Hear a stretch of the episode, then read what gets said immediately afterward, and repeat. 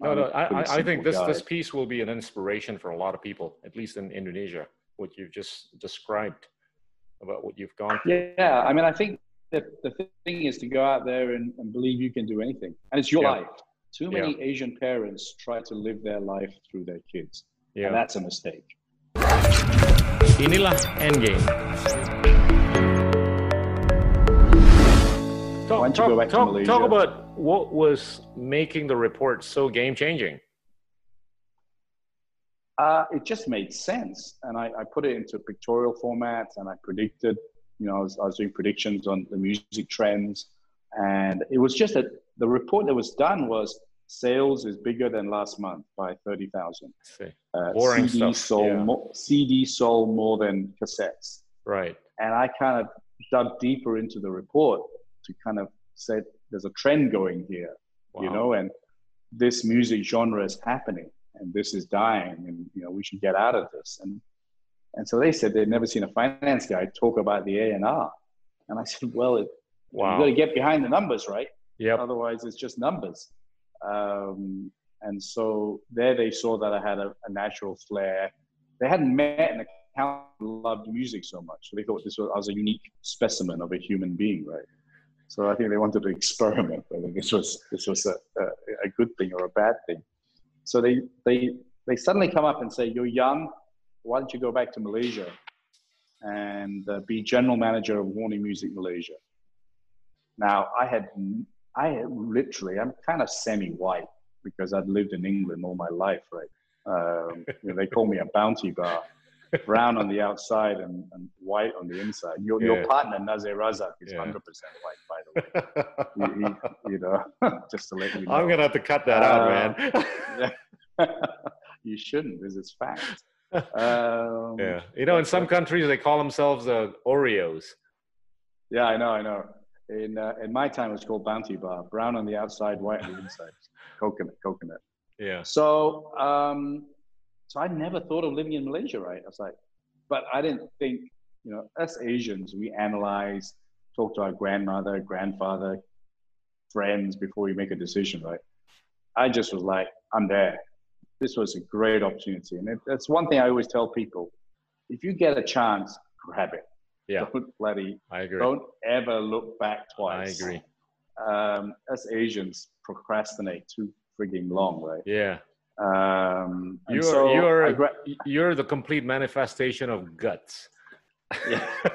I mean, So that's I that's what not- we got. That's what you got to tell the Asian boys and girls. It's all about Yeah. guts, man.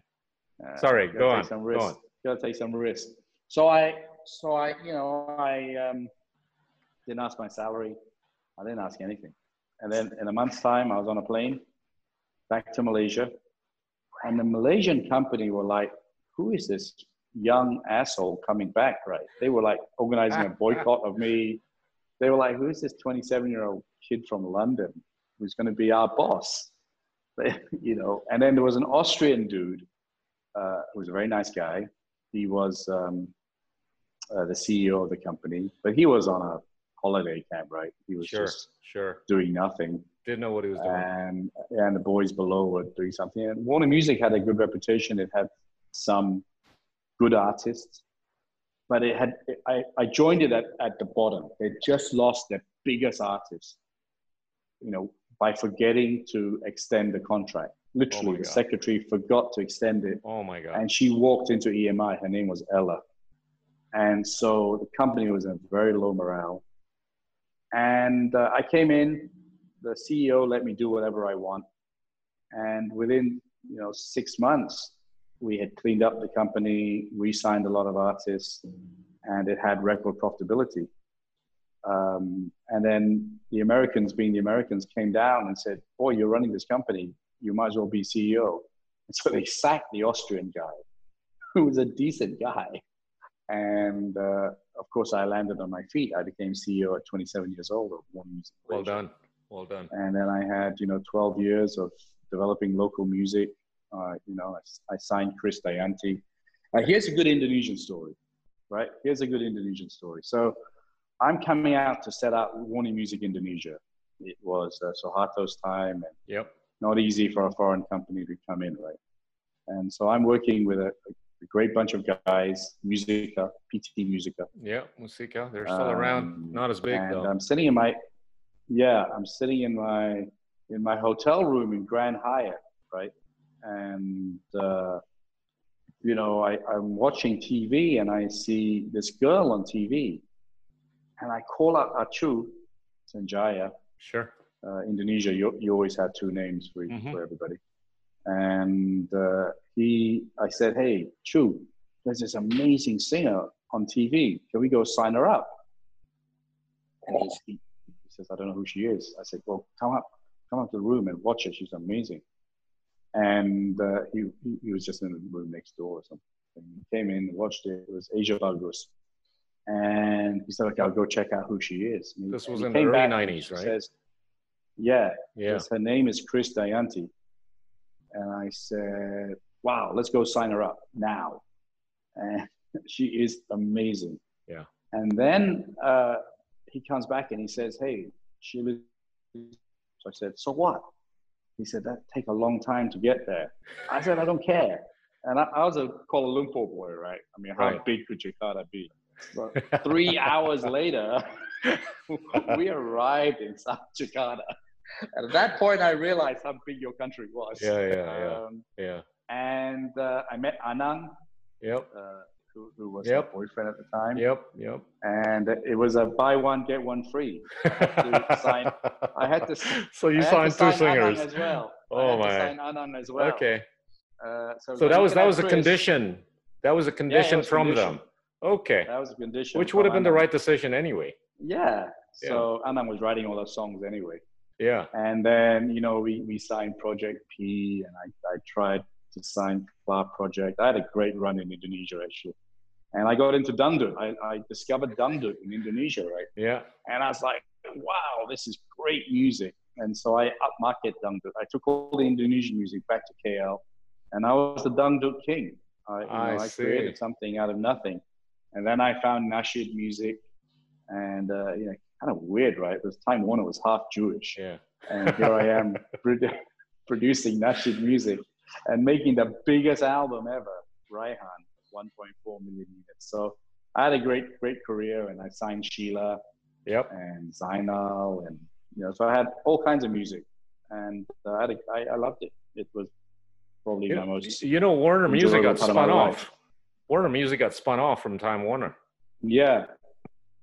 What, what, yeah, what do you think? yeah. Before that, so my whole career, the whole AirAsia story came out. I always thought I was going to die in the music business, and that I wanted to be president of Warner Music. That was my my goal Yep. in life. Mm. I'll be the first Asian to run an American record company. And so one day, I'd been through three mergers. Right, it started with. Um, uh, the first merger was Time, Time Warner, Right. which I which is a crazy merger. And then CNN came along, Yep.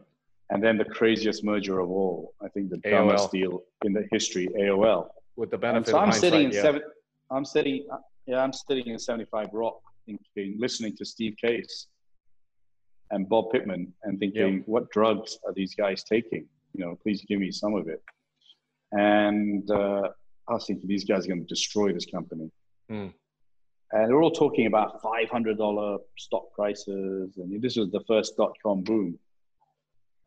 And uh, you know, I sat there and I thought, that's it. You know, my whole life is like that. I suddenly realized, that's it. Time to get out. Yeah. And my whole career was made on one thing. Steve Case says to me, Tony, what do you reckon our stock price should be in a year's time? Now, in my heart, it was Hmm. $80 at that time, Yeah. 2001. I thought, wow, listening to you, if it's still $80, you're doing well. But I, I knew I couldn't say that. So I said $90. And You you were you were okay. You were a polite Asian boy. Yeah, he said, I said $90 and you went, wrong boy, $500. And then my famous mouth opened and I said, please give me some of the drugs you are taking. and at that point, I knew my career was over at Warner Music. So I walked out of the room. I sold my stock options at $78. Um, You did okay. Of which the price, the price never came anywhere near that yeah. again. It came down to $20 at one stage Yep. You did okay. and uh, I went to my boss and I said, I quit. He was thrilled because he always wanted to get rid of me. He thought I was after his job, which I was. Mm. And so before I could change my mind, he wrote me a check and I said goodbye. Um, and I left New York and I arrived in London thinking, what am I going to do for the rest of my life? And uh, I went to a bar, pub, contemplating what I'm going to do. And this is this is absolutely true. There's no exaggeration here. I saw Stelios of EasyJet on on TV, uh, and I thought, wow, what a great idea! And I always loved planes. From five years old, I always said to my dad I was going to own an airline. No you know, kidding. I never said I want to be a yeah. I never said I want to be a pilot or anything like that. You, you said that before you got on the Qantas flight to go to London. Yeah, yeah, yeah. Because no my, kidding. me and my dad were plane spotters, and I even see. at school, I see. with my best friend Charlie, we used to go to Queen's Building at Heathrow Airport and just watch planes. Wow. Uh, and, and maybe I like the crew in the planes as well. so we we um, you know I, I thought this is it. This is my destiny. And so I grabbed a bus, very appropriately, a green line bus as well, that took me to Luton Airport. And I saw everything in orange and people flying to Barcelona for eight pounds, Paris for six pounds. And I thought, this is amazing. And at that moment, I said, I'm going to do this. Hmm. And there's a very fine line between brilliance and stupidity. It's really very narrow. But I thought, hey, I'm 30 plus. If I fail, you know, I fail but I don't want to. I don't want to think at 50 that I wish I did it. Uh, that and that's my second moral. If there's a moral in this podcast, is that don't be afraid of failure. You got to just go out and do it. If you fail, you fail. But I you, like you can't press that. Re, you can't press that rewind button. Yeah. You can't say, oh, "I wish I did it," because it's Mm. too late. So my whole life has been taking those chances. Some have been disastrous, some have been great, but I've never had any regrets. I've never sat there and said, I wish I did it because I did it. If I get knocked down by a bus tomorrow, and there are many people who'd like to drive that bus, um, you know, I would have lived a great life. I've had no regrets. I've lived Yeah. my life to the full. Yeah. So, so yeah, at that point, I decided. I called my wife, who's my ex-wife now, and uh, said, "I'm going to start an airline." After she stopped laughing, she said, "Why don't you start a bread shop? You know, you've got the stomach for it." And uh, I said, "No, no, I've got this vision," and that was it. There was no stopping me. It Bro, was that moment Don't don't in you Hampstead think? Heath. You know what? What do you think that you might have gone through that was different from the typical Asian, who didn't want to take as much risk as you did, as you did? I mean, Mm. there, there's this element of nurture versus nature, right? Which which I like Yeah. to talk about with with some people lately. Yeah, um, yeah, it was my there's that great movie, right? I don't know if you ever watched it with Eddie Murphy, Trading Places. Yeah, sure, great movie. Uh, Watched it a few times. all yeah. about all, all about environment and yeah, being put. I I definitely England gave me a different perspective of life. Okay. Um, Branson gave me that hey, you can do anything you want to do, right? right. Know, you go out there, say you want to start an airline, Yeah. or you want to go do Virgin Brides or whatever. Yeah. And then I think coupled with my mother, who really did anything she wanted to do and, and did it very well. Yeah, So I think it's all those factors that led me to believe that, you know, I could achieve anything I want to do if I put my mind to it. Mm. Um, and, uh, you know, it's a boy's own story. It hasn't been incredibly successful, but, yeah, you know, I, I loved Formula One from a very early age. I, Yeah. I, I loved football. Not many agents have had that ability to do what I've Yeah. done. Uh, not successful, but hey, I did it, you know, and, and that's, uh, that's kind of what I've always been. yeah, Uh, you know, people talk about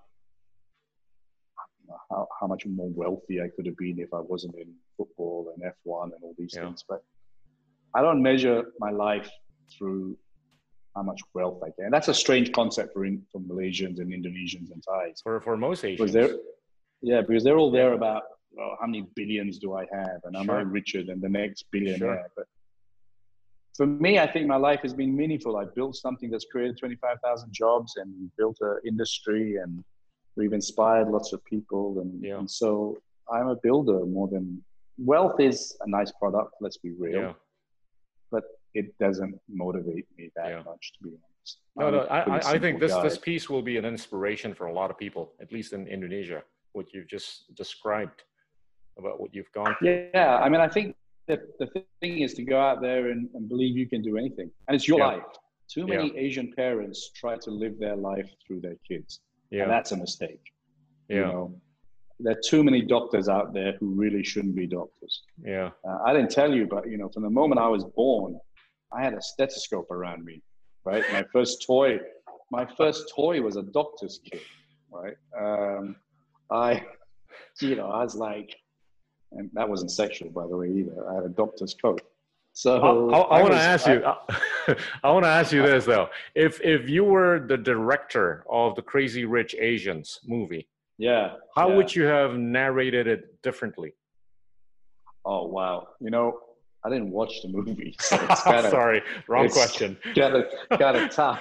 But it's really funny. There's another funny story there, right? So I'm in Singapore, and someone sends me a message and says, "Hey, Michelle, Yeoh's upstairs, and she's looking for you." I went, "Oh, okay, yeah, great." And she said she hasn't seen you for a while. Come up and say hello. So I went upstairs to speak to her, and then I said, "Hey, how come you're not in that movie, Crazy Rich Asians? Because you're a real bitch. You'd fit that part really well." And she said, "But you're such an asshole, Tony. I am in that movie." I went, Oh, "Oh, really?" my god! I said, oh didn't my look god! like you. no, I, I think you would have you you would have directed it very differently. You would have told I a very different I would story. Yeah, very different story, and um, I mean, it was Americanized, right? There there are Yeah. lots of Singaporean bits in Sure, it, but sure, sure. you know what? Where it really is crazy, it should have been crazy rich Indonesians because uh, no, no, crazy, crazy rich, Malaysians. oh, crazy rich Thais, man. Oh no, no, the Malaysians and Thai Malaysians cannot keep up with the Indonesians.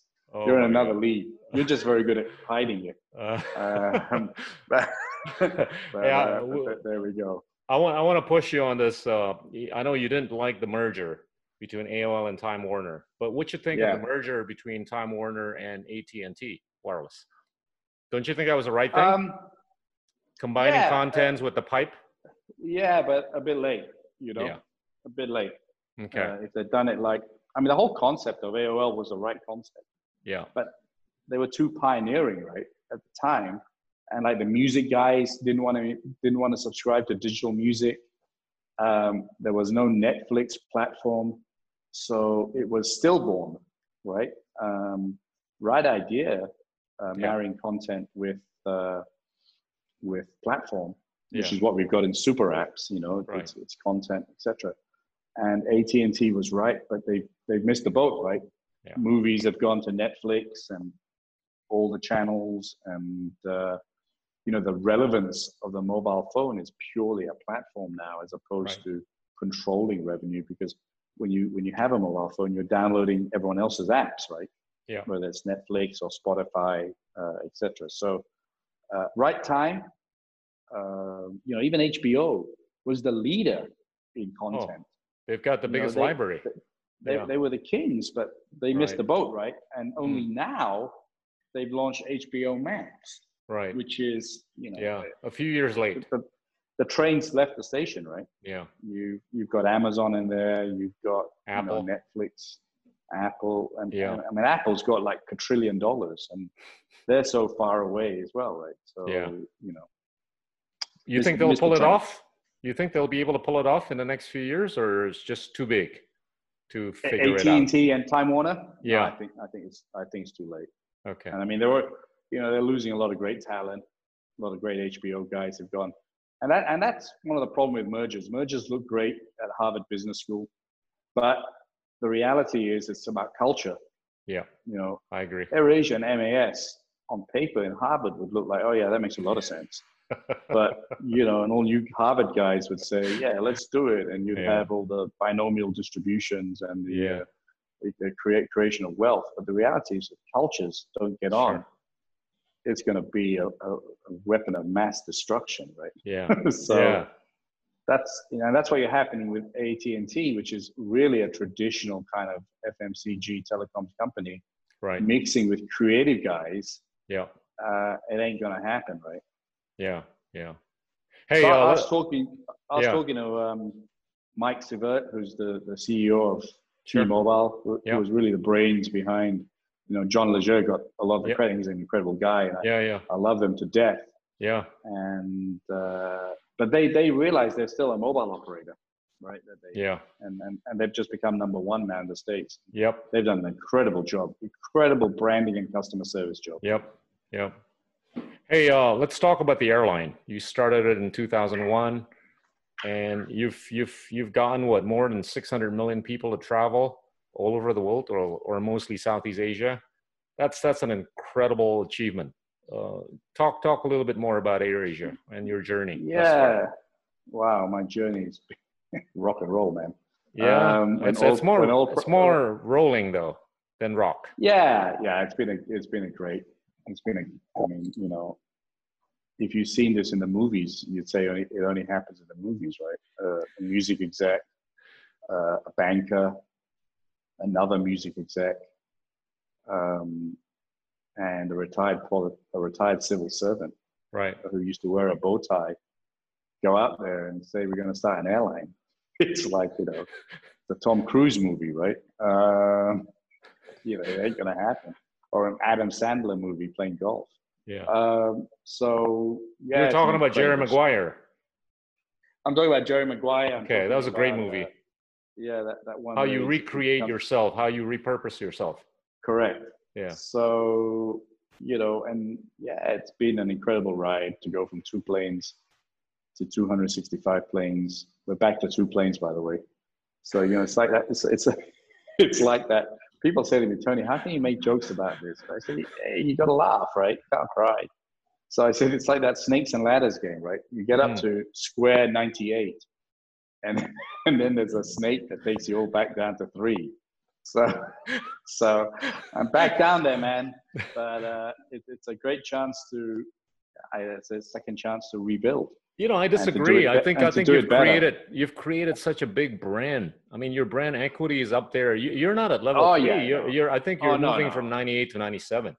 Yeah, no, no, you're right. And Yeah. I mean, you know, while, while it, it's, it's wonderful to hear it in such a positive way, Right. we do, we are, we are really also starting from ground zero as well. But we have a great brand Yeah. and we have great people. So that's a big plus from setting it up in 2001. But the very nature of our airline in 2001 was out of born out of a travesty, right, uh, or, or calamity, which was 9/11. Yeah. Um, you know, so while I've experienced everything from you know SARS to bird flu to terrorism in Indonesia to airports closed in Thailand to tsunamis, earthquakes.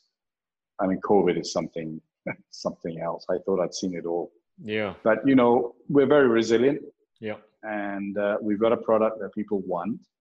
Uh, we just got to be patient and wait for the borders to open. Uh, but from a domestic standpoint, uh, we're doing all right. Um, and yeah, the journey's been incredible. I mean, you know, if you had told me 18 years ago, I'm going to be interviewed by Gita, you know, I would have laughed. Uh, um, I was you I was looking up to you, man, back then. I still look up to you now. and if if uh, you know if we created so many jobs, which is the biggest thing, it's the biggest thrill in my life, and the fact that I've taken kids who left school at 13 and made them pilots and stuff, it's incredible. It's amazing. And, and, and made made air, made ASEAN a smaller place. yeah. Um, you know, people going to Bandung. I Yep. started Bandung, Gita. No one flew to Bandung. No Yeah. one. Yeah. Not, no Indonesian airline, only the Indonesian Air Force, right? And I knew Bandung because I used to record dangdut music there, right? Remember, I was the dangdut king. And uh, By the way, we're know, gonna get a we're gonna get a dangdut singer in this studio in the next few days. Yeah, not gonna mention the name. Rama. No, no, no, no. Okay. no, talk about Bandung. I mean, you know, that was I don't think it was just guts. I think it was intuition, which Yeah, which was- a lot of people don't so- have, like you do. Yeah, so I used to drive to Bandung, you know, from Jakarta. We'd stop in uh, that hill resort Mm, uh, on the way. yeah, Puncak Pas. And yeah, Yeah. correct. Puncak Mas. Yeah, What a great place. yeah, Many stories that can't be repeated on your podcast. But um, and uh, I uh, I said to my team, "Hey, why don't we fly to Bandung?" And they looked at me and said, "Oh, no airline flies there." So I said, so what? We're going to be the first airline. There is ITB. There's a great music scene. The Yeah. people there are awesome. There's a great textile industry. F&B, don't care what. the, the food and beverage scene I said, also. I don't care. We're going to fly there. I'll, I'll, I'll make the recommendation for them to give you an award. Yeah, actually, yeah, they should give me one. Yeah, Yeah. but we it wasn't an Indonesian airline. It was at that time we only had a Malaysian airline. It was Malaysia AirAsia who flew to Bandung, and uh, it wasn't Singapore Airlines. It wasn't any of these big guys. We saw Bandung before anybody, and I saw it because of the people. I thought the people were special. Yeah, You know, there was a dangdut singer that I knew well there, Cici Paramida, and uh, you know she was awesome, and all her friends and everything. So the spirit of Bandung was something that I didn't see anywhere else in the world, and I wanted people to see it, and that's that's an that's those are the kind of stories that no one can take away from you, right? That Yeah. AirAsia went out there and created a market and created jobs for people that just never thought. And I mean, the airport's now a big airport with 24 airlines yeah. going there. Yeah. Hey, look, you- you're you're one of the very few people that basically pushed for the open sky policy. Yeah. in, in ASEAN, right? A lot of a lot of people Yeah. don't know that. You know, talk talk a little Yeah. bit about your struggles. You know, earlier on, how you pushed Wow. the governments to open up, you know, their Yeah. skies because you lit up the fire on tourism for ASEAN. You know. I, I think you deserve that credit. Yeah, I, I, I, yeah, I had made a lot of enemies in that process. But I remember one famous story. We were in Singapore, the ASEAN transport meeting. And I, yeah, I made myself famous over this. That's the You, Singaporean. you don't need to mention names. Singaporean minister, Singaporean minister said something about open skies, and I said, "How much sky do you have actually in Singapore?" Which kind of made, banned me from Singapore about seven years, I think. Uh, Oh my god! but uh, but all the ASEAN ministers suddenly came up to me and said, "Hey, you know, wow, we really like your comment. We would like to have said that ourselves." And then they started getting into it, and I that's how I was kind of my breakthrough in many ways. And then I started kind of pushing it, and it was it's very tough because let me tell you one thing, Gita. Airlines are almost like the national flag of the country.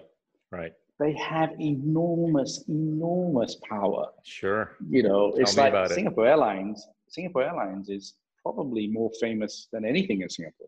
Yeah. Right. Yeah. And it carries the Singapore flag. Right. I mean, all of us carry our country's flag. We, I mean, AirAsia Indonesia has the Indonesia flag, but it's like the national airline. It's almost like your flag, right? I mean, even in Korea, it's owned by a private company, but Korean Airlines, like, well, it's Korean, right? Right. It's, this is our flag carrier. It's not owned by the government. It's owned by some shipping dudes. So that is the that was the hardest thing because I had, you know, unlike UK, which had deregulated and British Airways was owned by the public and all this kind of stuff. I was dealing with national carriers Oh my who god! invariably all their mates were in the Ministry of Transport as well, right? Yeah. Malaysian Airlines, Garuda International, Thai International, Singapore Airlines. You know, this is like Nightmare on Elm Street, Part Four, right? Yeah, Um, and then you have Philippine Airlines. So it was real tough, real, real tough. But you know how I got it? I got it by firstly going to places that none of these guys wanted to go to, and then delivering. And then people were my biggest Sure. advocate. People Sure. wanted AirAsia to come to Yeah. their town. yeah. Um, and so And the you know, government can't politi- say no to the people. No, that's right. Many politicians said to me, you know, your greatest success in winning us was that you were so popular with the people Yeah. that we couldn't take you on. I And- told you about politics. So, so we we we were the, you know, we were the maybe we lived a lot of people's lives that they like to see that the small guy was fighting the big guy, and Yeah.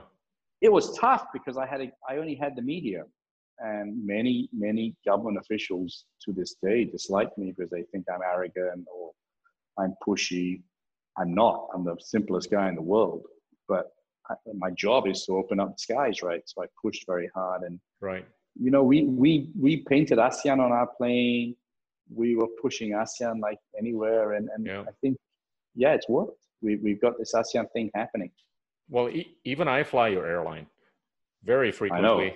You you can We- check on we- your computers. You know, we do. We love you flying it, man. except I don't get a discount. but but here's the we thing. that.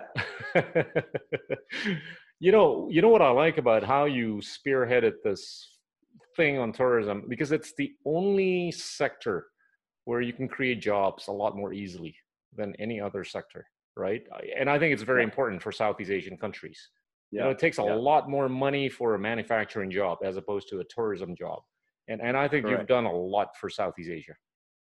Yeah, I mean, I think I think when, of course, and, and the beauty is when when someone like us comes along, it's going to be emulated, which is not a bad thing. Yeah. You know, so you have every animal airline now, and you've got lions, you've got tigers, you've got flies, you've got all kinds of things, right? Tons of birds uh, all over the place. So, you know, I don't know why. Anna, I don't We, we haven't seen a grasshopper. no, in Malaysia, we- Malaysia we have firefly. That's a really dumb name for an airline, by the way. It's the shortest living insect in the insect kingdom. But um, you know, I don't know why airlines. By the way, you should do an interview on this. Why airlines are obsessed with animal names? But there you go. Most of them are birds. You think Garuda, you think Nok Air, etc. But going back, AirAsia started that, and of course, many many joined it, which which is good because Right. competition is good, and it opened up the markets more, and travel became a commodity, um, and it created a lot of jobs. And this is now our challenge now because Asia is so Southeast Asia is so dependent on tourism. Right. Yet people are so scared of COVID, and I think we've got to we have got to balance that out. You know, we can't live in a cave for the rest of our lives Yeah. and uh, you know we've lived with the flu we've lived with hiv we've lived with lots of things. So we're just going to have to live with covid because it is what it is. Yeah. and but you know southeast asian governments have done too good a scare job. Yeah. and, and right now doctors are in control. And my dad was a doctor so that's a scary thought. Um, but we need we need to balance that out. People need to live and people need to go on. And uh, you know sweden's done a pretty good job with the immune the herd Yeah. mentality Herd immunity. Yeah. um, I think I think it's a very different world now because we know COVID. We can contact trace, we can isolate people, we can isolate places, and uh, we need. You know, we've been very good at locking down. We haven't been so good at unlocking, and so Yeah. that's got to be how we move out. Because tourism is an important part of our industry, uh, of our economic, of our GDP. We need to find ways to unlock that. And I've always said Indonesia is, you know, been one of the most underrated tourism spots. It's only Bali, but No kidding. my God. Yeah. there's Ra- Raja Ampat. There's you know uh, there's so many places. Yeah, man. Um, and and I think that you know hopefully we can get people comfortable Yeah. um, and uh, restart this amazing journey that we we had started with along with a lot lot of other airlines. I- I've been talking a lot about this. You know, there is no reason for Indonesia not to expect 150 million tourists a year, as opposed Yeah. to what the Yeah. last number would have been 15 million last year. Yeah, I mean, you know, and the connectivity is getting built, you know, a lot Yeah. faster and a lot more than ever. So yeah, we're- we're going to get there. Saw that a long time ago. Yeah. and uh, you have a lot of regional airports. I hope you don't lose that. You know, there's some talk about making airports, a lot of airports just domestic and making big hubs. No, they mean, that's a gotta they gotta inter- internationalize. Yeah. Yeah, direct connectivity is still the best way Yeah. forward. Inilah Endgame. The episode Endgame berikutnya. Dude, I, I can see you as a big technology player in the next few years. I, I think you're Yeah, you know- morphing from a music guy to an airline guy and sort of like doing sports in between and morphing into a tech guy. Uh, I think you're going to be big if you do this. We will. We always we always were a tech company. Yep. Um, if you Okay. think about it, we were the first airline to use the internet. No one used the internet before Yeah. AirAsia.